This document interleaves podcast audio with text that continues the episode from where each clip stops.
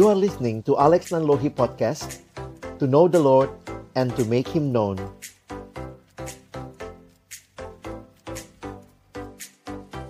Baik, selamat pagi teman-teman sekalian, kakak-kakak sekolah minggu yang juga hadir. Saya bersyukur kembali kesempatan ini Tuhan berikan untuk kita belajar dan uh, mungkin nanti di dalam tanya jawab juga kita bisa lebih mengkonkretkan hal ini. Karena yang saya bagikan banyak prinsip, tapi kemudian bagaimana prinsip itu tetap penting untuk kita nanti karena biasanya kalau kita bertanya itu kaitannya dengan kasus, dengan pergumulan. Jadi eh, saya pikir tetap harus ada prinsip yang mendasari sehingga ketika kita mengalami kasus atau kita bicara tentang konteks tertentu, teman-teman nanti bisa melihatnya di dalam prinsip yang sudah dibagikan, ya.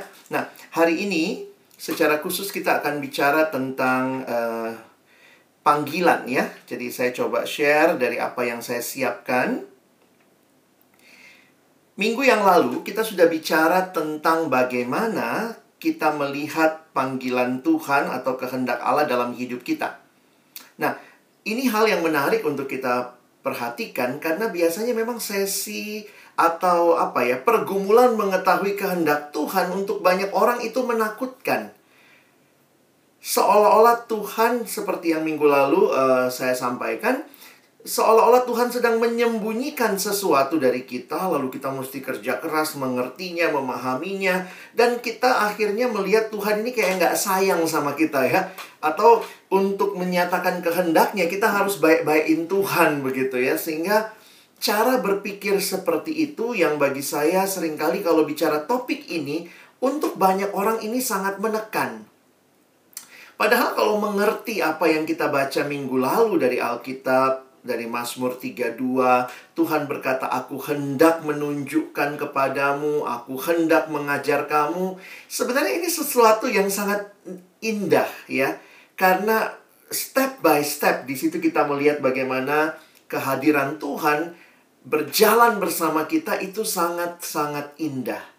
Nah, karena itu sekali lagi saya menegaskan ya tentang hal ini. Bahwa kita tidak hanya berbicara tentang kehendak Allah, tapi bagaimana kita juga punya relasi dengan Allah yang punya kehendak itu.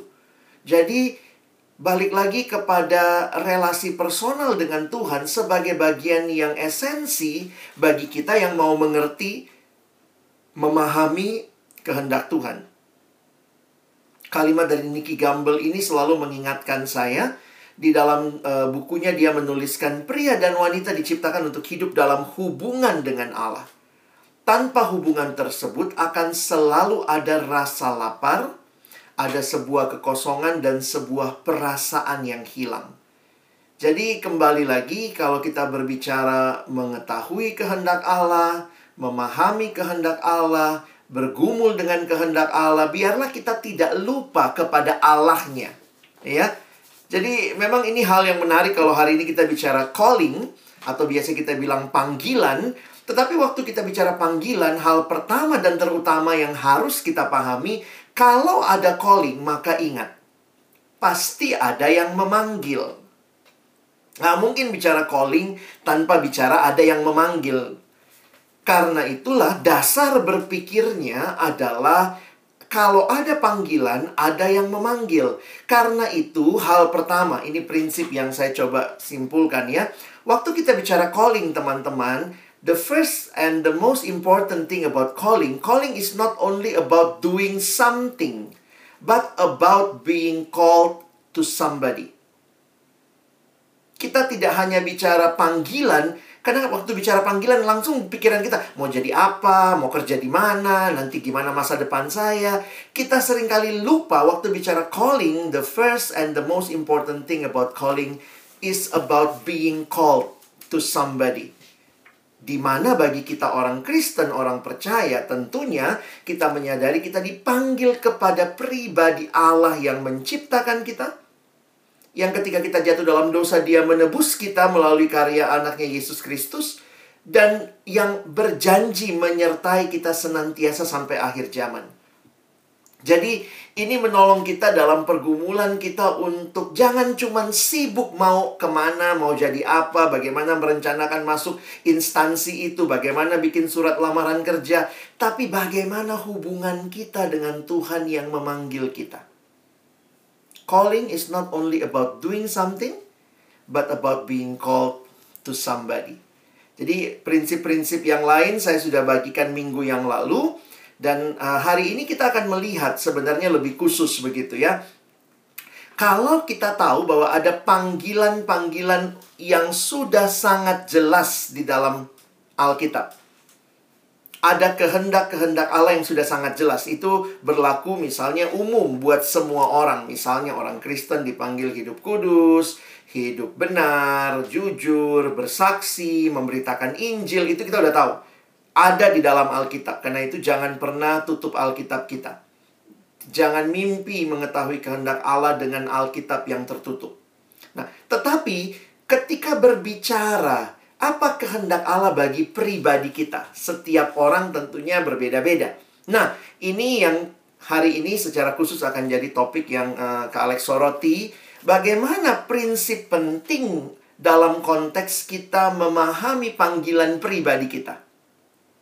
Banyak sekali buku yang bisa teman-teman baca. Saya juga baca beberapa buku sebenarnya, tapi akhirnya saya coba menyimpulkan dengan apa yang saya siapkan dalam materi ini. Dari banyak pendekatan, saya coba memperhatikan bahwa ternyata semuanya punya hal yang sama, yaitu tadi. Relasi dengan Tuhan itu tidak tergantikan. Nah, lalu kemudian yang selanjutnya adalah prinsip ini. Bahwa Tuhan memanggil kita itu bukan hanya di titik-titik waktu tertentu dalam hidup. Nah, memang jujur aja cara kita mengerti sering kali begini, ih apa panggilan Tuhan? Waktu mau apa? Waktu mau cari kerja gitu ya. Waktu misalnya mau pindah kerja, waktu misalnya mau memutuskan pacaran sama dia atau tidak, waktu kemudian memutuskan akan menikah dengan orang tersebut atau tidak. Kadang-kadang kita berpikir bahwa kehendak Allah itu hanya ada di titik-titik krusial hidup kita, which is true, benar. Memang di situ kita sangat bergumul, tetapi sadari begini. Tuhan sebenarnya tidak sedang menyembunyikan rencananya, sehingga untuk mengerti panggilan kita tidak terlepas dari apa yang Tuhan telah sedang dan akan lakukan bagi hidup teman-teman. Saya ulangi. Memahami panggilan itu terkait dengan apa yang telah, yang sedang, dan yang akan Tuhan lakukan dalam hidup kita. Karena itu bagi saya begini, jangan cuma bergumul di awalnya. Kadang-kadang ada orang bergumul di awalnya, wah Tuhan bener nggak ini atau tidak. Setelah dia sudah kayaknya menerima jawaban, dia seolah-olah berhenti bergumul. Padahal sebenarnya bagi saya memahami bahwa kehidupan dengan Tuhan itu adalah sebuah uh, perjalanan. Our life is a journey. And the most important thing in our journey is not only getting what we want, achieving what uh, we we strive struggle gitu ya. Tapi yang the most important thing and the most beautiful thing in our life is our journey with God. Jadi terus miliki kepekaan untuk terus berelasi dengan Tuhan, terus bertanya kepada Tuhan. Tentunya untuk hal-hal yang kita nikmati dalam hidup, biarlah kita terus boleh maju bersama dengan Tuhan. Jadi uh, kadang orang mengerti kehendak Tuhan itu karena dia sedang mau punya pergumulan men mencari sesuatu, tanya jawaban sesuatu itu kalau kayak gitu bisa tiba-tiba mendadak rohani tuh mau pilih jurusan kuliah tiba-tiba puasa lah. Benar-benar uh, kayak bertapa saat teduh jadi tiga kali gitu ya. Tapi akhirnya kelihatan bahwa memang tidak didasari dengan sebuah relasi yang hidup dengan Tuhan dan hari demi hari. Jadi saya harap ini jadi uh, apa ya prinsip penting buat kita supaya kita tidak jadi orang yang yang cari Tuhan kalau lagi butuh tapi kita jadi orang yang benar-benar membutuhkan Tuhan di setiap waktu hidup kita.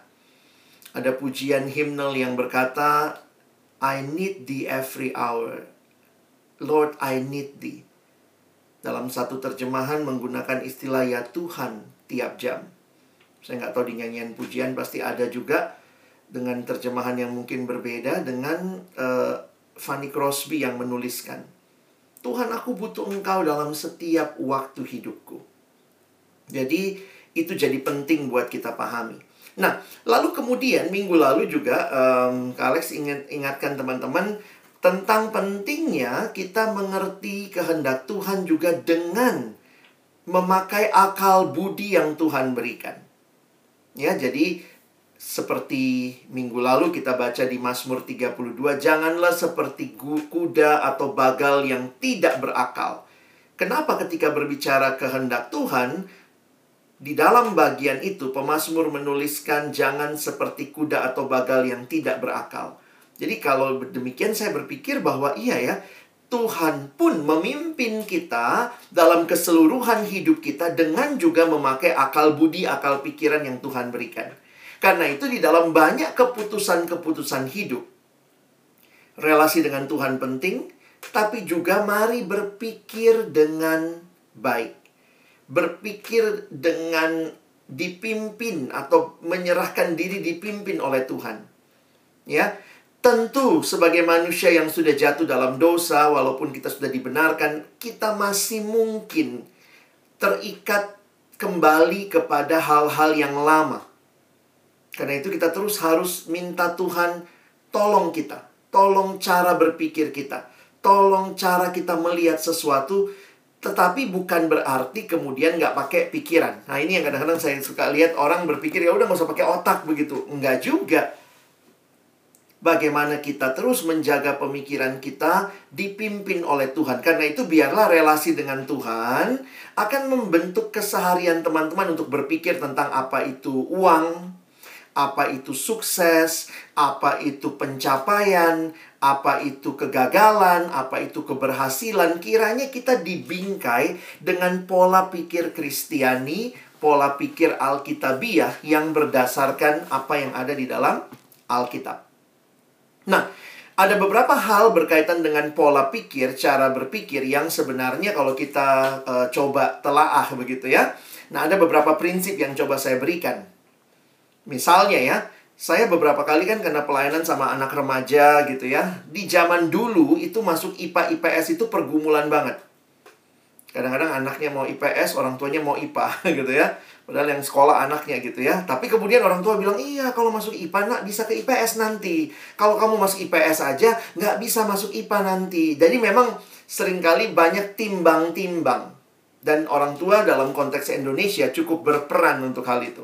Karena orang tua yang biayai kuliah, yang biayai SMA. Jadi kadang-kadang anak itu juga walaupun nggak mau, tapi kalau nggak ikuti kemauan orang tua, ya bisa jadi ada yang bilang, iya nyokap gua kak marahnya satu hari tapi tapi ngomelnya, marahnya sehari, ngomelnya sampai Tuhan Yesus datang katanya gitu ya. Diulang terus kalau ada apa-apa diulang lagi hal yang udah yang misalnya dia dulu salah pilih dan seterusnya gitu ya. Nah, jadi ini cara berpikir yang waktu saya sering kali tanya sama anak SMA, kamu mau pilih IPA atau IPS? Iya kak, nggak tahu nih apa ya IPA atau IPS ya, IPA atau IPS ya. Jadi cara berpikirnya memang jadi tidak tidak sistematis. Memang di dalam cara berpikir yang baik, kalau kita melihat masalah perencanaan masa depan, saya pikir Tuhan tidak melarang perencanaan. Yakobus pasal 4, ayat yang sering kali dikutip tentang uh, kamu tidak tahu apa yang terjadi dengan hidupmu besok, itu ayat sekali lagi tidak menghilangkan perencanaan. Silahkan merencanakan, Tuhan pun mendorong kita sebagaimana ditulis di Yakobus 4 itu kalau teman-teman gali ayatnya tapi kemudian dalam perencanaan itu yang penting adalah sikap hati yang berserah kepada pimpinan Tuhan. Jadi karena itu dalam perencanaan saya pikir yang mesti belajar merencanakan. Saya tanya biasanya sama anak seperti itu, kamu mau jadi apa? Ya. Kamu mau jadi apa? Karena itu akan menentukan kamu akan ambil IPA atau IPS. Ya. Jadi ini kalimat seperti ini nih. Mana yang harus dilakukan lebih dulu sebenarnya? Pilih jurusan kuliah, kalau SMA misalnya pilih IPA IPS, atau pilih pekerjaan. Di mana kalau sebenarnya dia sudah tahu mau kerja apa, atau dia punya mimpi cita-cita kalau kita pakai istilah itu ya. Saya mau jadi dokter, Kak. Ya sudah jelas pilihnya IPA, nanti kuliahnya kedokteran. Jadi cara berpikirnya yang harus ditolong. Dan banyak orang muda yang cara berpikirnya juga mungkin karena terbatas, karena kurang pengalaman, di sinilah kita butuh diskusi dengan yang lebih tua, yang lebih berpengalaman, yang sudah banyak makan asam garam dunia ya, sampai darah tinggi dan asam urat begitu. Tapi itu menolong kita untuk bisa melihat bahwa ada cara pikir yang penting. Always start from the end of mind. Mulailah dari akhir. Saya mau jadi dokter misalnya Oh, makanya saya akan mengambil hal ini. Itu itu kita bisa ditolong dengan cara seperti itu. Nah, saya masuk sekarang prinsip yang lain yang juga sering kali jadi pergumulan dalam banyak pelayanan orang muda berkaitan dengan merencanakan masa depan karena waktu bicara calling kita langsung pikirnya saya mau jadi apa. Teman-teman dalam pergumulan ya saya belajar, saya juga lihat hidup saya, hidup beberapa teman yang saya amati, Akhirnya saya menyimpulkan demikian. Calling itu tidak identik dengan job. Saya pikir kita salah besar kalau berpikir calling itu identik. Calling equal job. Tidak. Saya melihatnya calling itu lebih luas daripada job. Job itu pekerjaan atau profesi. Jadi, teman-teman, kenapa kadang-kadang kita tertekan? Karena kita begini, kita sering kali gali-gali hidup kita, terus kita bilang, ini calling saya. Tapi calling kita dikaitkan dengan saya mau jadi dokter. Begitu nggak jadi dokter, langsung merasa gagal panggilannya. Karena kita tanpa sadar membuat calling equal job. Kita bisa discuss di sini nanti. Tapi saya mau mengajak kita memperhatikan calling itu sebenarnya himpunan semestanya. Himpunan semestanya itu calling. Lalu job itu bukan satu-satunya, tapi hanya salah satu bagian di dalamnya. Saya berharap pemahaman ini menolong kita juga untuk tidak tertekan. Kenapa? Karena dalam hidup realitanya banyak kali kerjaan kita nggak sesuai dengan apa yang kita yakini sebagai calling. Jujur aja deh. Jujurly speaking, maunya sih itu. Tapi ya sudah, dijalanin juga yang ada sekarang. Tapi kemudian saya perhatikan apakah kemudian itu tidak jadi calling dari Tuhan? Ternyata makin saya pahami bahwa enggak, itu adalah salah satu bagian di dalam callingnya Tuhan. Kenapa? Saya kasih contoh begini. Tidak semua calling kita, kalau kita bicara panggilan ya, apalagi ada panggilan-panggilan yang jelas di dalam Alkitab, hidup benar, hidup kudus, termasuk juga panggilan menikah panggilan untuk berkeluarga itu kan panggilan juga. Nah, panggilan itu tidak semuanya bisa dipenuhi dengan sebuah job. Ada nggak pekerjaan yang yang kerjaannya adalah kawin? Kan itu kan panggilan juga, panggilan menikah misalnya. Kerjaan apa yang kawin terus, kawin, kawin, nggak ada gitu.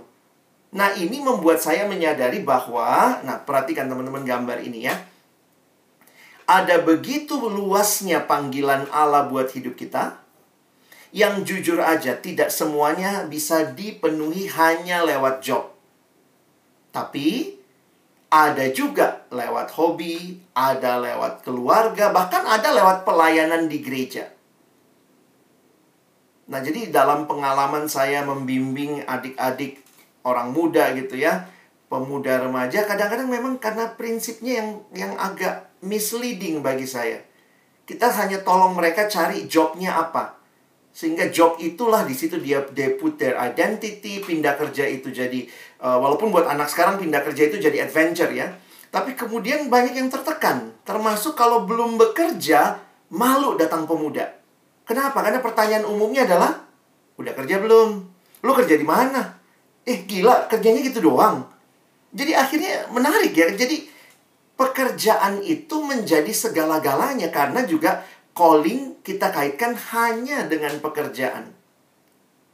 Jadi, saya harap cara berpikir ini menolong teman-teman untuk melihat lebih luas begitu ya. Jadi, kalau saya menempatkan misalnya ya kita perhatikan, maka kita bisa lihat calling itu jauh lebih jauh ya, lebih lebih apa? lebih luas.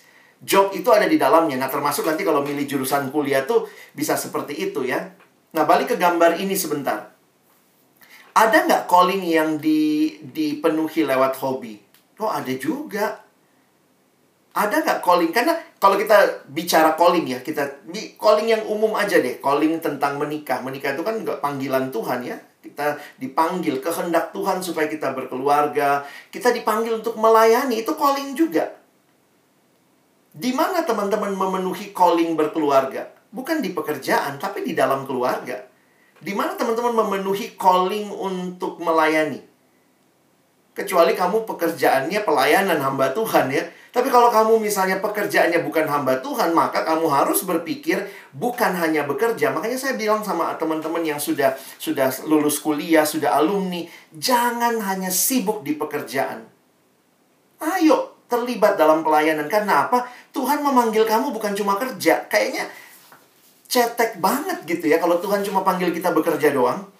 Tuhan panggil kita mungkin jadi guru sekolah minggu, Tuhan panggil kita untuk membagikan firman Tuhan, Tuhan panggil kita untuk menjadi berkat buat orang lain dalam memberi perhatian, pelayanan, dan itu bisa teman-teman nikmati dan penuhi bukan di pekerjaan, tapi di pelayanan. Nah ini saya kasih contoh lah ya, saya kasih contoh seorang anak SMA yang waktu itu pernah kami layani, dia sangat bergumul karena apa? Dia senangnya musik.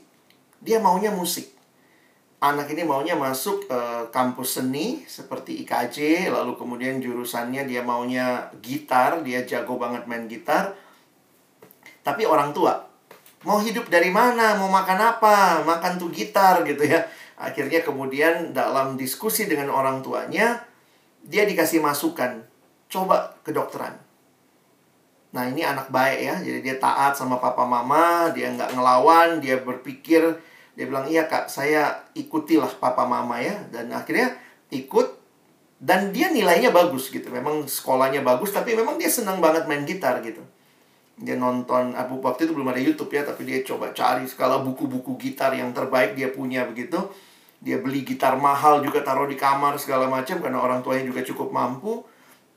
Tapi memang akhirnya dia nggak pernah uh, apa ya nggak pernah merasa sebenarnya hanya hanya jadi maksudnya poinnya dia adalah dia bergumul dan pergumulannya akhirnya dia tanya sama orang tua orang tua bilang masuk ke dokteran.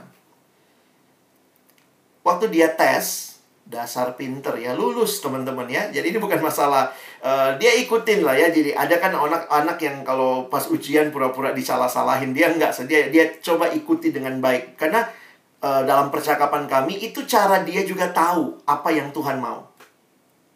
Jadi waktu dia tes, dia lulus, ya udah. Kemudian dia kuliah di kedokteran. Gimana main gitarnya?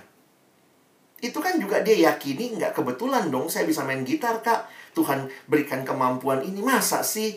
Tapi kemudian dia tidak dalam jalur karirnya, karir pekerjaan, dia tidak menjadikan permainan atau main gitar sebagai karirnya.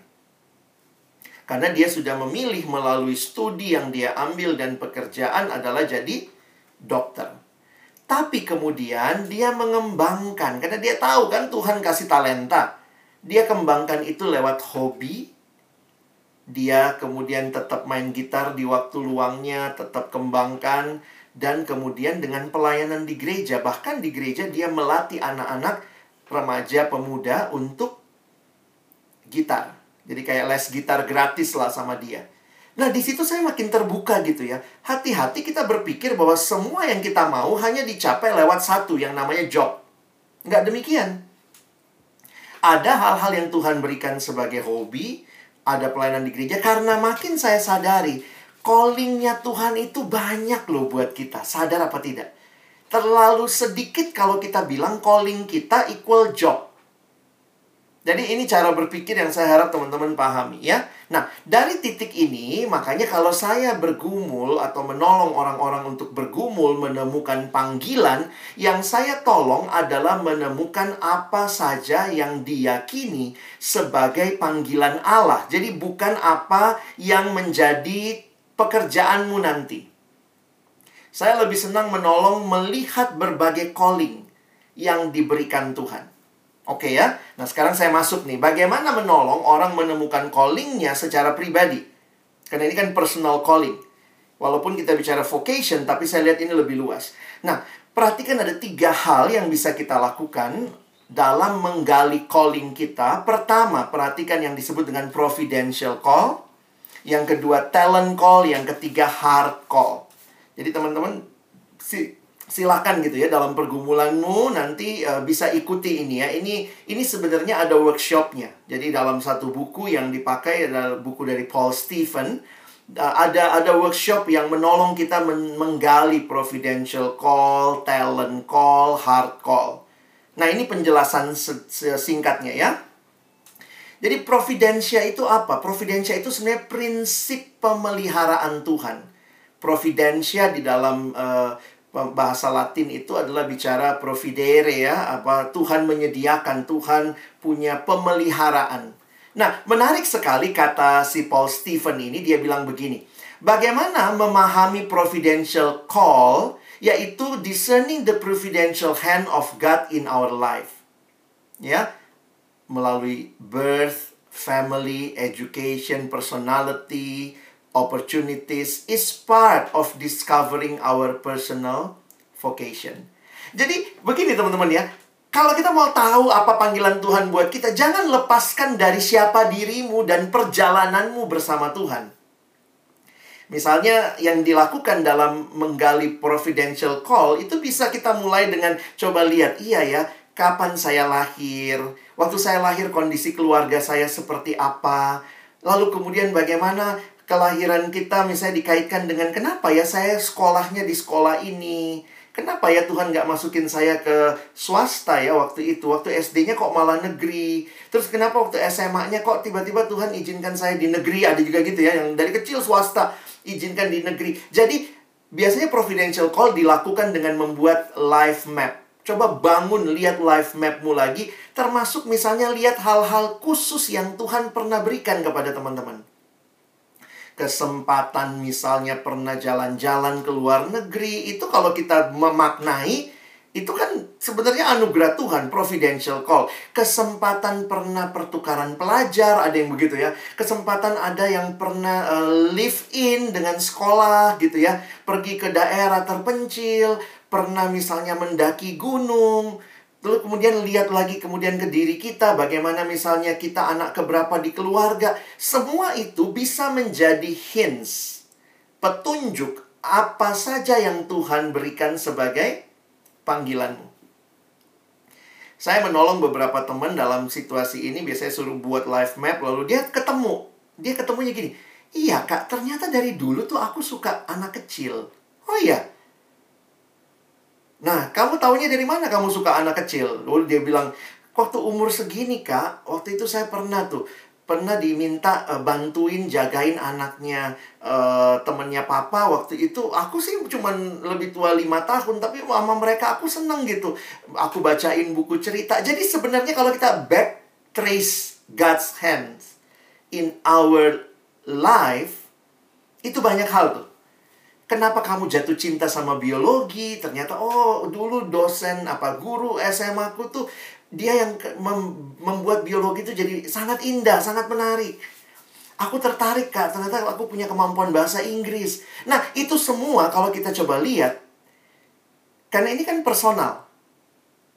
Panggilan umumnya hidup kudus, hidup benar. Tapi apa yang Tuhan berikan kepadamu sebagai bagian personal dalam perjalanan hidupmu. Nah, kita bisa lakukan yang namanya providential call ini. Ya, kita gali sama-sama. Jadi lihat pimpinan dan pemeliharaan Tuhan atas kehidupanmu sejauh ini.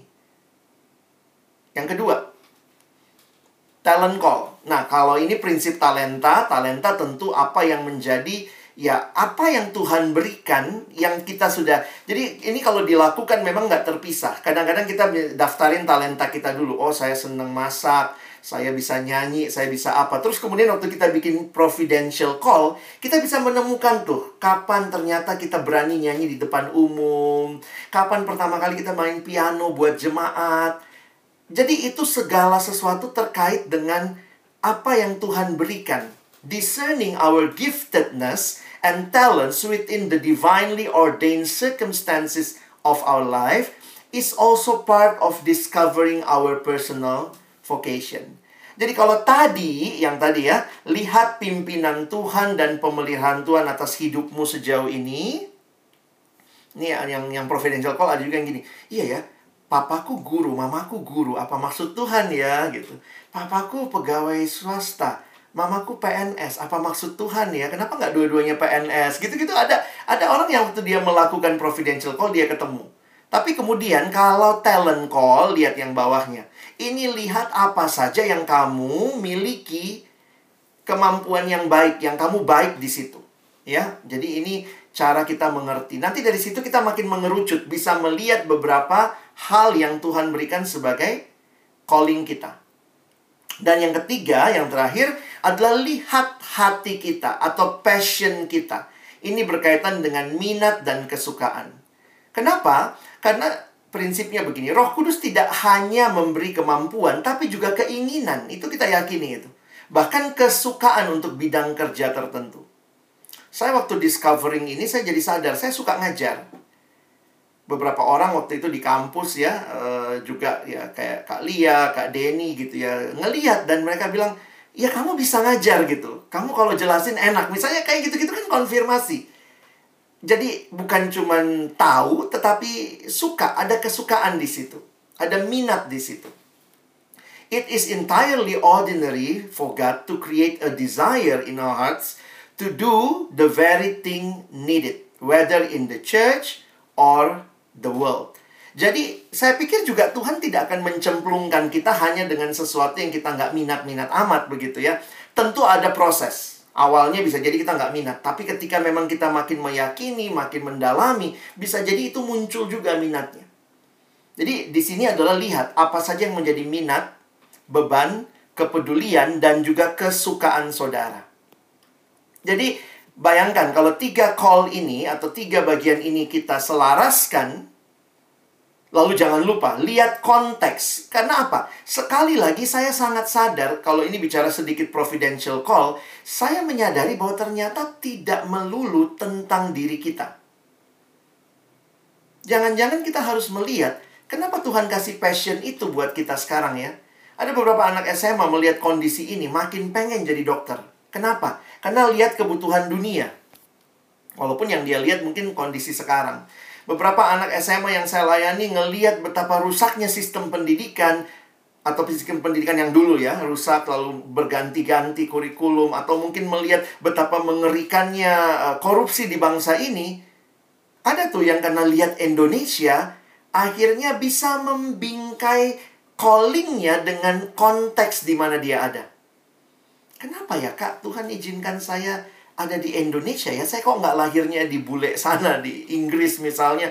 Dan situasinya lagi terpuruk nih ekonomi, lagi terpuruk nih, banyak korupsi. Akhirnya dia punya rencana, Tuhan saya rindu ke depan, saya bisa berkarya dalam bidang hukum, membenahi sistem hukum kah? Jadi akhirnya dia bisa membingkai callingnya dengan sesuatu yang lebih luas dan lebih besar. Jadi Teman-teman ya kalau dikaitin ya itu berkaitan dengan kenal diri, kenal Allah, kenal kondisi di mana kita hadir. Jadi temukan dulu. Saya pikir mungkin alangkah baiknya buat kita adalah temukan apa saja calling kita. Lalu nanti kita kemudian memasukkan ya di mana nih calling kita.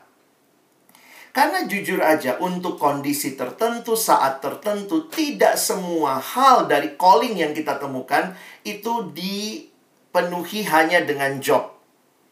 Bahkan, nah ini asumsi saya ya, tidak ada satu pun job yang bisa menampung seluruh calling kita. Tidak ada satu job yang bisa menampung seluruh calling kita. Karena itu, nah ini, kalau bicara cari job, ya carilah yang paling maksimal menolongmu, memaksimalkan callingmu. Tapi balik lagi, tidak ada yang bisa membahas semua callingmu. Karena itu, terbuka. Saya terus mendorong alumni yang bekerja terbuka, kembangkan hobimu, kembangkan hal-hal yang mungkin gak berkaitan dengan pekerjaanmu, tapi kamu ngerti ini bagian yang Tuhan berikan. Dan hobi termasuk pelayanan di gereja. Jangan cuma sibuk kerja, teman-teman. Karena calling Tuhan nama kita bukan cuma kerja. Ya. Nah, dan jangan lupa ada peran firman Tuhan dan doa. Firman jadi pedoman, doa itu makin memurnikan motivasi kita. Kadang-kadang ada yang nanya, "Kak, benar nggak sih saya pindah kerja ke sini?" Saya bilang, "Ya kamu yang bergumul. Gimana caranya? Ya baca firman Tuhan. Dalam doa kamu makin yakin. Sebenarnya kayaknya bukan ini deh. Karena doa itu menajamkan visi dari Allah. Tapi juga jangan lupa peran dari komunitas. Bersifat masukan tentunya. Jangan biarkan orang lain ambil keputusan buat kamu ya. Karena itu pergumulanmu dengan Tuhan. Supaya jangan disalahin. Saya pernah tuh, tiba-tiba ada yang nyalahin. Abis dulu Kak Alex bilangnya begini. Ya elah, hidup-hidupmu kok gue yang disalahin ya. Itu karena saya juga sadar saya nggak membimbing. Tapi saya waktu itu mengambil keputusan buat dia. Kalian harus bergumul. Mana keputusannya bisa menolong lebih objektif. Kadang-kadang kalau kita lagi pengen sesuatu tuh sama kayak lagi jatuh cinta, susah untuk objektif karena itu butuh orang lain untuk melihat, menolong hal-hal yang kita belum sadari. Dan bisa juga meneguhkan hal-hal yang sudah kita sadari. Jadi contohnya masukan dari orang tua, guru, tes minat bakat, begitu ya. Makanya di beberapa perusahaan juga bisa begitu. Dan sadar betul tidak semua hal sekali lagi bisa dipenuhi hanya lewat calling. Uh, sorry, job. Ya. Jadi sebagai penutup ayat ini Paulus menjawab ya, jika engkau makan atau minum atau melakukan sesuatu yang lain, lakukanlah semuanya untuk kemuliaan Allah. Saya pikir kalau makan, minum yang sangat apa anak sekarang bilang sangat receh gitu ya. Hal sehari-hari banget harus untuk kemuliaan Tuhan apalagi membangun uh, calling kita ya, kiranya ini untuk kemuliaan Tuhan. Sebagai aplikasi saya kasih contoh. Seorang teman dia coba me menggumulkan callingnya. Teman-teman, apa yang dia lakukan, dia daftarin, dia lihat semua. Dan akhirnya dia menemukan callingnya dia adalah juga untuk uh, yang dia temukan dalam callingnya itu dia suka sama anak kecil ternyata. Dia senang main sama anak kecil, dia senang sharing firman dengan anak kecil. Jadi memang ternyata nggak semua orang juga bisa jadi guru sekolah minggu buat anak kecil ya. Saya kalau lihat anak kecil sih lucu ya, tapi kalau udah ngelawan gitu ya. Lalu ternyata dia menemukan lagi, dia lebih spesifik menemukan dia suka sama anak kecil yang marginal. Orang-orang yang miskin begitu ya. dia kayak merasa I want to do something. Nah, teman-teman tahu apa yang terjadi?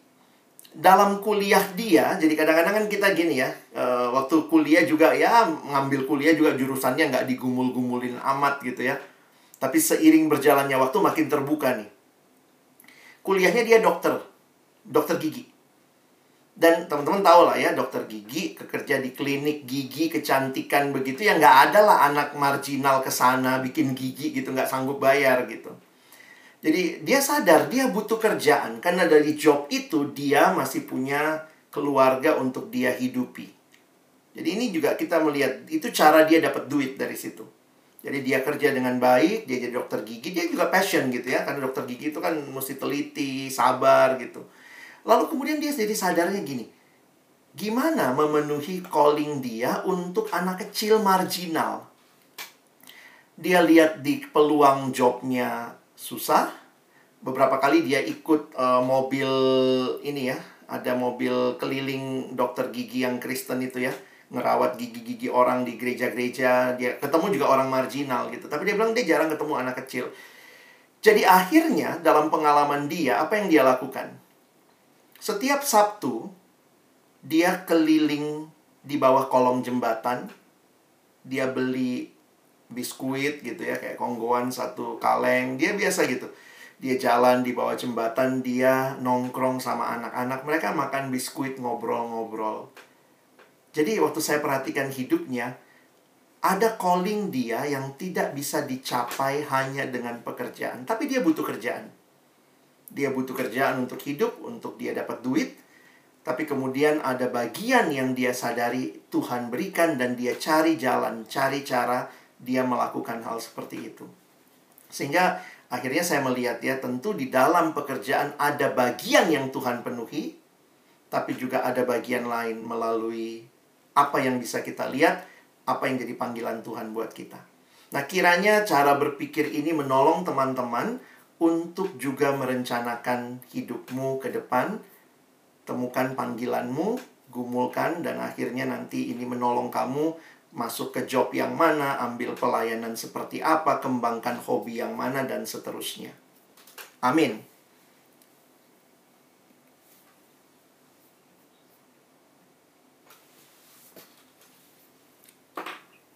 Oke, baik. Terima kasih Bang Alex untuk uh, firman Tuhan yang menjadi dasar kita uh, pada hari ini untuk kembali diingatkan tentang panggilan.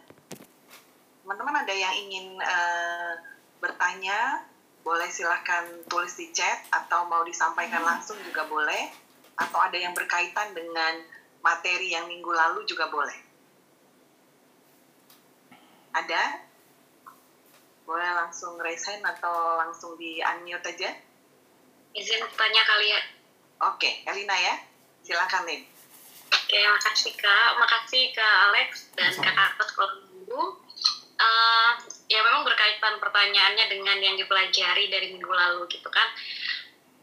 Apa ya, kalau aku pribadi lebih menggumulkan bagaimana menguji apa yang ada di hati kita itu betul-betul suara Tuhan dan bukan sebatas kehendak pribadi gitu kak. Karena ya minggu lalu juga dibahas. Jangan sampai kita sedikit-sedikit sampaikan uh, apa yang ada di hati kita oh ini suara Tuhan gitu. Ini suara Tuhan. Atau memang kadang kita sudah mengumpulkan sekian lama dan kita merasa bahwa oh seperti ini suara Tuhan sih. Tapi takutnya di situ ada interest pribadi apa kehendak pribadi yang memang perasaan pribadi yang yang tercampur baur di sana. Atau sebenarnya gimana sih kak? Aku dan okay. bergumul tentang menguji apa yang ada di hati kita beban kita Thank you. Thank you Elina. Nah, sebenarnya makanya saya bilang teman-teman harus dengar dua minggu ini. Minggu lalu saya ingatkan hati-hati dengan kehendak diri pribadi yang mungkin akan membuat kita merasa ngotot sama hal tertentu. Tapi kalau kalian imbangi dengan apa yang saya bagikan sekarang, perhatikan kalimatnya. Bahwa jangan-jangan, atau bukan jangan-jangan lah ya, jelas ada interest-interest yang Tuhan berikan. Tuhan yang kasih loh. Interest itu. Nah, mungkin pergumulannya seperti yang Elina bilang tadi. Bagaimana kita meyakini? Nah, bagi saya, semua interest, silahkan kita daftarin. Makanya kalau kita mencari panggilan, lihat. Kenapa saya interest ya dengan, dengan saya senang sekali dengan misalnya uh, sesuatu yang sifatnya apa gitu uh, adventure misalnya. Nah, itu interest. Dari mana tahu ini cuma punya kita pribadi atau dari Tuhan? Saya pikir itulah yang kita butuh untuk memurnikan motivasinya. Jadi, bayangkan kalau Tuhan berikan itu, kira-kira hanya untuk diri kita saja kah? Atau ternyata itu juga cara Tuhan memberkati orang-orang di sekitar kita? Jadi ada satu teman misalnya dia senang banget gitu dengan sesuatu yang yang apa ya yang sifatnya uh, misalnya dia senang masak lah gitu ya. Nah, dari mana saya tahu ini interest saya saja atau apa? Ya mungkin kita bisa uji itu ya. Bahwa ketika kita melakukan itu apakah juga ada orang-orang yang diberkati melalui apa yang kita lakukan? Karena bagi saya setiap kali Tuhan berikan interest itu jangan langsung bilang ini cuma masalah pribadi kehendak pribadi kita itu pun kalau kita gali lagi lebih dalam dari Tuhan dan bagaimana kita buat itu tidak jadi terdistorsi dengan dosa yang intinya dosa adalah hanya bagi diri saya. Hanya bagi diri saya. Jadi saya terus belajar membingkai keinginan-keinginan yang Tuhan berikan dengan konteks yang lebih luas untuk menjadi berkat bagi orang lain. Nah, itu perjalanan itu yang teman-teman mesti lalui dan kita tuh dimurnikan. Nggak ada dari kita yang sudah benar-benar 100% motivasinya murni. Jangan takut lah. Jalanin aja. Nanti kalau kamu melenceng, ingat aja kalau punya relasi dengan Tuhan ditampar lagi. Eh, ingat loh, jangan sombong. Saya kasih ini kan untuk dan, dan dari, dari situ kita jadi iya ya Tuhan balik lagi gitu. Nah, ini perjalanan kok, bukan bukan pencapaian. Ya. Oke, baik. Teman-teman lain ada lagi yang mau bertanya? Atau ingin uh, apa namanya?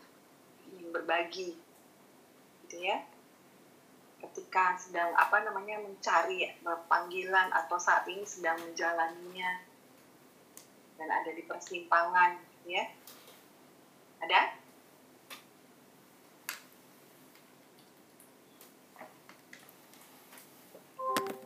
Nah, Bang Alex, Ya. berarti kalau eh, kalau eh, intinya adalah relasi kita dengan Allah gitu ya.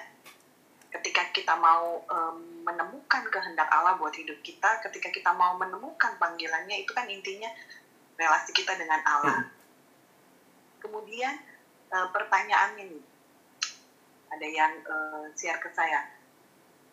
Mungkin nggak eh, di dalam kehendak Allah itu kita diizinkan untuk salah memilih? Jawaban Atau singkatnya ya mungkin. Ya, terus bagaimana memahami itu, gitu ya? Kalau minggu lalu eh, kita pasti hampir semua di di apa di di apa eh, saat ini yang ikut zoom ini pasti pernah salah memilih, apa pun itu, gitu kan? Nah, kalau kita eh, salah memilih, kemudian eh, ya bagaimana membangun diri kita? Mungkin itu itu ya Ya. maksud pertanyaan ini. Bagaimana membangun diri kita untuk cari lagi gitu loh atau temukan lagi apa yang sebenarnya eh, Mm-mm. Allah mau untuk kita jalani. Kadang cara berpikir kita sih ya yang saya lihat ini makanya saya bilang tadi Kak Lia di awal, saya tak saya melihat beberapa orang kalau bahas mengetahui kehendak Allah tuh jadi kayak lumpuh gitu. Kayak merasa Tuhan itu kayak lagi nggak serius sama hidup kita. Tuhan tuh kayak lagi ngetes-ngetes hidup kita gitu ya. Saya membayangkan sebenarnya cara berpikirnya adalah God is our loving Father. Sekali lagi saya harus katakan dengan berbagai pertimbangan pun kita masih mungkin salah pilih. Tetapi Tuhan yang mengasihi kita itu sedang terus berjalan bersama kita. Makanya relasi dengan Tuhan itu penting. Untuk membawa kita kembali kalau kita salah. Sama kayak waktu kita masih kecil lah ya. Teman-teman jangan takut jadi dewasa dong ya. Begini, kalau kita masih kecil, kadang-kadang salah pilih. Pilih permen atau nasi. Malah pilih permen. Tapi orang tua yang baik, walaupun anaknya akhirnya milih permen, sembunyi-sembunyi makan permen. Tapi ketika kita kemudian ditolong, akhirnya lihat lagi, balik lagi, balik lagi. Nah, saya menikmati sebenarnya pimpinan Tuhan itu seperti itu. Jadi pasti ada yang kita miss, kita tidak nikmati ketika kita tidak taat, pasti ada. Tapi kalau ternyata pilihannya cuman berkaitan, kalau pilihannya salah atau benar, maka ingatlah selalu harus pilih yang benar. Kalau kita pilih yang salah, pasti ada konsekuensinya. Tuhan akan bawa kita balik, pasti itu. Tuhan akan ampuni, pasti itu. Tapi konsekuensi dosa tetap ada. Jadi hati-hati, jangan main-main dengan pilihan yang salah. Tapi sering kali pilihan-pilihan kita, jujur aja ya, ada yang sama-sama kelihatannya baik. Kerja di BUMN atau kerja di swasta, gajinya sama. Nah ini, kadang-kadang untuk dua hal yang macam begini, saya pikir jangan merasa salah pilih. Harusnya gue pilih waktu itu BUMN itu. Kenapa gue pilih yang swasta ini? Nih, ini lihat gue nggak dipromosi-promosi. Kadang-kadang kita ngeliat tuh salah pilihnya hal-hal yang sama-sama baik. Yang sebenarnya memang milih ini atau itu tetap ada konsekuensi. Jadi, eh, saya melihatnya, cara kita melihat pimpinan Tuhan, itu yang harus kita baharui. Termasuk mengambil karena kita harus ambil keputusan. Dalam hidup tuh harus ambil keputusan. Kalaupun itu salah tahu dari mana itu salah. Kadang-kadang saya harus katakan setelah saya lalui saya nggak bisa bilang itu salah. Karena mungkin di situ Tuhan pernah atau sedang mengajari sesuatu buat saya jadi itu justru cara untuk menikmati kedewasaan balik lagi kalau itu pilihan salah dan tidak benar ya itu salah Nah, maksudnya kalau itu dosa gitu ya. Tapi kalau dua pilihan yang ternyata juga kita nggak bisa tentukan eh, sama-sama baik nih, nggak nggak mengikat dalam dosa, saya kadang-kadang berpikir itu cara Tuhan untuk mendewasakan kita juga. Walaupun mungkin kita bilang setelah dua tahun kerja di situ, kayaknya gue salah pilih nih. Tapi balik lagi, dipimpin Tuhan ya memang kalau kamu merasa salah pilih ya coba sekarang belajar pilih yang yang mana lagi. Coba pertimbangkan dengan baik dan lihat tuh bagaimana Tuhan memimpin ke depan.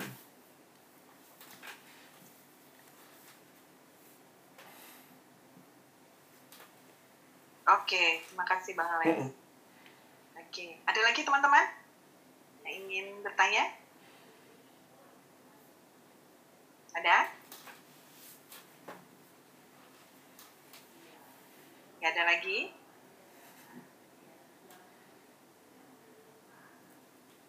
Oke.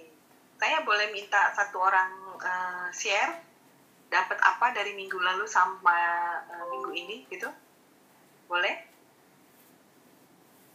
Boleh ya? Oke, Theo, Theo. Boleh Theo share? Saya nggak. Iya. Nggak usah, nggak usah takut bahwa uh, salah atau ini gitu ya. Tetapi uh, intinya adalah kita mau uh, belajar sama-sama gitu kan. Boleh nggak yuk share? Uh, Apa yang Theo udah Aku setelah dua minggu sih ya, eh ya dua minggu ya, dua kali ikut ini, aku jadi dari sebenarnya berpikir gimana ya, perjalanan hidupku. Sampai saat ini jadi bekerja di tempat ini. Hmm. itu tuh aku mikir kayak lucu dan tidak sesuai dengan apa yang aku harapkan. Uh, aku berpikirnya kayak kalau berpikir sih memang sudah saya jalani. Dulu pas kecil itu misal uh, saya tuh jadi uh, main bola lalu main musik nah itu wah jago lah kalau bisa dibilang lah. Di sepak bolanya di SD itu saya ikut tenis saya ikut lomba jauh saya ikut olahraga dan itu prestasi. Ketika menginjak uh, ke SMP saya main musik food band dan sebagainya olahraga basket dan sebagainya. Tiba-tiba SMK bahkan saya nggak ngerti ukuran pelek itu seperti apa ukuran ban seperti apa alat mesin seperti apa naik motor itu gimana. Saya masuk ke tempat yang saya harus terpaksa. Kalau karena saya nggak dapat sekolah yang saya mau. Dan yang terbaik di sekolah itu adalah otomotif aku mikir apa maksudnya? Soalnya aku tuh nggak tahu sama sekali tentang dunia itu dan sebagainya. Terus saya berpikir lagi pas lulus SMK saya harus kerja. Karena orang tua kan sebagai pendeta dan sebagainya. Dan aku mikir wah ya ya belum belum tentu bisa biaya aku kuliah gitu. Tiba-tiba bapak sama itu dipanggil ke Jakarta. Lalu bapak bilang kamu kuliah. Padahal aku udah lulus udah masuk tuh di PT Uma di Kalimantan. Akhirnya aku kuliah. Dan kuliah ambilnya elektro. Itu pun kerja keras juga untuk dapat IPK 3 harus butuh lima tahun untuk selesai 3,00 itu. Itu wow aku bilang ini jalurnya tuh makin melenceng gitu loh. Makin menurutku menurutku ya jalurnya ini bukan nah yang aku bilang aku nggak kuat kalau kerja yang cuman apa ya harus di luar terus di jalanan terus ngurusin PLN dan sebagainya. Kayak gitu aku mikir cuma mikir itu ya kok gimana nih harusnya seperti apa? Kayak kayak kayak kuliah aku bilang ya meskipun S1 tapi kayak kuliah gitu terus uh, habis setelah lulus aku dapat kerja sudah. Benar memang. Aku harus ya lembur sana sini kerja di pabrik dan sebagainya. Dan tempatnya lumayan jauh. Sekarang eh, ada tawaran lagi jadi ATC traffic controller yang notabene aku nggak tahu sama sekali nama traffic controller itu apa dulu. Terus setelah aku ternyata aku harus belajar bahasa Inggris di situ. Padahal dulu itu aku benci sekali bahasa Inggris. Aku mikir ah ini apa sih? Perjalanan Tuhan tuh seperti apa sih ke aku gitu loh. Tuhan kasih aku kerjaan di traffic controller. Kerjanya enak nggak nggak nggak hidup kayak puni lagi nggak kayak yang harus di pabrik dan dibantu sama oli dan sebagainya. Kerja di kantoran kerjanya cuma dua jam habis jadi asisten dan sebagainya enak semuanya. Cuman aku harus belajar fokus dengan bahasa Inggrisku. Oh wow ini, ini hal baru lagi. Tuhan kasih ke aku aku mikir mana aku harus jauh sama orang tua? Perjalanan hidupku nextnya gimana? Dan itu tuh kayak kayak kayak Tuhan kayak ngasih tahu ini satu persatu kamu kamu tuh butuh ini. Kamu harus tahu hidup keras itu seperti apa hidup ini seperti apa hidup ini seperti apa. Kamu tuh harus belajar ini kamu tuh harus belajar ini kamu harus belajar ini. Dari perjalanan hidupku nah ini sebenarnya yang di share sama yang dibagikan sama Kak Alex itu kayak kayak ngebuka aku gitu loh. Jalanan aku oh ya selama hidupku tuh kayak gini kayak gini kayak gini kayak gini. Oke. Aku tinggal tunggu sih. Tuhan tuh mau kasih apa lagi sama aku dengan hidupku ini lagi sih. Itu sih. Kalau aku bilang ya bukan berarti kamu melihat itu melenceng dan itu menjadi duka buat dirimu. Yang aku anggap sekarang adalah sesuatu yang bisa menjadi bagian yang belum ada di dalam diriku menjadi bagian dari diriku gitu loh. Maksudnya ilmu-ilmu yang Tuhan berikan itu gak masuk akal. Jadi coba aja tanya sama Tuhan lagi tiap hari gitu. Nanti pasti akan ada tiba-tiba ya pertama kecewa terus tiba-tiba oh iya. Iya oh gini ya. Oh iya oh gini ya. Itu sih maunya uh, rancangan Tuhan Oke, thank you ya sudah share Terima buat kasih kita ya. Theo. Oke, ya Bang Alex, boleh ada yang mau ditanggapi kemudian sekalian juga eh, kita menutup? Saya sebenarnya lagi nulis nih di kolom chat ya. Thanks Theo buat sharingnya. Life is a journey with God. Dan Tuhan membukakan potensi-potensi yang tidak kita pernah pikirkan sebelumnya.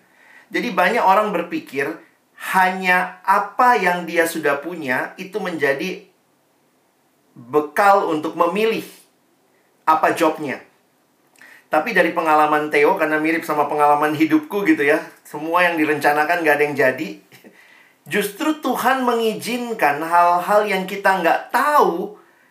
Ternyata saya bisa gitu. Ternyata Theo bisa lakuin. Jadi itu membukakan potensi-potensi yang tidak pernah kita kita bayangkan. Dan uh, Tuhan sebenarnya sedang membentuk kita. Jadi jangan berpikir kalau sudah dapat job, maka itu yang Tuhan bentuk. Beberapa kali saya harus katakan kita nggak bisa memilih juga. Karena ada kebutuhan keluarga, ada kebutuhan kita mesti juga punya biaya sendiri. Sehingga ada seorang teman yang waktu itu dia bilang, apa sih kak yang Tuhan mau? Masa kerjaan saya S1 cuma jadi jegregator? Maksudnya dia di kantor itu cuma ngejegrek-ngejegrek gitu ya. Dia bilang, masa cuma itu kerjaan saya? Saya bilang, belajar melihat Tuhan lagi bentuk kamu dalam sisi yang mana. Mungkin Tuhan lagi bentuk kamu rendah hati. Karena kita cuma taunya maunya enak gitu ya. Jadi jujur aja tadi waktu dengan sharingnya Theo ya uh, ini kesimpulan saya gitu ya. Bahwa Tuhan masih sedang bekerja. Jangan pikir Tuhan sudah selesai bekerja kalau kamu sudah punya pekerjaan. Mungkin life is a journey. Ini sekolahnya Tuhan gitu. Dan nikmati ya teman-teman mungkin lagi dibentuk bukan dari ilmumu yang dulu di kampus. Tapi Tuhan lagi bentuk kamu dengan ilmu-ilmu kehidupan yang saya setuju sama Theo. Expect many surprises from God in your future. Thank you. Baik, terima kasih Bang Alex eh, dan teman-teman. Kita mau tutup ya, sekarang udah jam 9 lewat 12 di jam saya. Kita mau tutup sesinya, kalau ada hal yang eh, mau ditanya atau mau ini boleh juga lewat nanti eh, di grup atau ke guru masing-masing, nanti kita coba eh, bahas ya. Oke, baik. Bang Alex boleh eh, tutup di dalam doa buat kita semua? Mari kita berdoa. Tuhan terima kasih karena Engkau Allah yang hidup, Allah yang sedang dan tetap terus membimbing kami. Dan juga Engkau telah membimbing kami di masa-masa hidup kami sebelumnya. Biarlah kami punya keberanian berjalan bersama Tuhan. bukan menjadi orang-orang yang takut, orang-orang yang akhirnya lumpuh, tidak bisa memilih, tidak melangkah, tetapi yang terus berserah dalam setiap langkah kami. Anugerah Tuhan cukup dan kejutan-kejutan yang Tuhan berikan, termasuk Engkau tidak berhenti membentuk kami. Tuhan pun sedang terus membentuk kami. Bagi teman-teman yang lagi bergumul dalam mencari pekerjaan, Tuhan mantapkan juga untuk melihat pekerjaan yang tepat. Tetapi ketika mendapat pekerjaan pun jangan membiarkan kami berhenti mengembangkan diri. Melihat kepada panggilan Tuhan termasuk melalui hobi yang Tuhan berikan, melalui kehadiran kami di keluarga, melalui pelayanan kami di gereja, ataupun di masyarakat. Itu pun caranya Tuhan membawa kami memenuhi panggilanmu. Terima kasih buat semua kami yang hadir. Terima kasih untuk guru-guru sekolah minggu juga yang begitu setia, membimbing, mengarahkan semua kami. Dan kami terus berdoa melalui kehadiran kami. Di mana pun Tuhan tempatkan, namamu dimuliakan, orang lain diberkati, dan kami sendiri terus menikmati hidup dalam Tuhan. Terima kasih buat dua sesi ini, dan terima kasih buat kebersamaan kami. Berkati waktu selanjutnya dalam persiapan kami menikmati ibadah bersama dengan jemaat Tuhan. Dalam nama Yesus kami bersyukur, kami berdoa. Amin.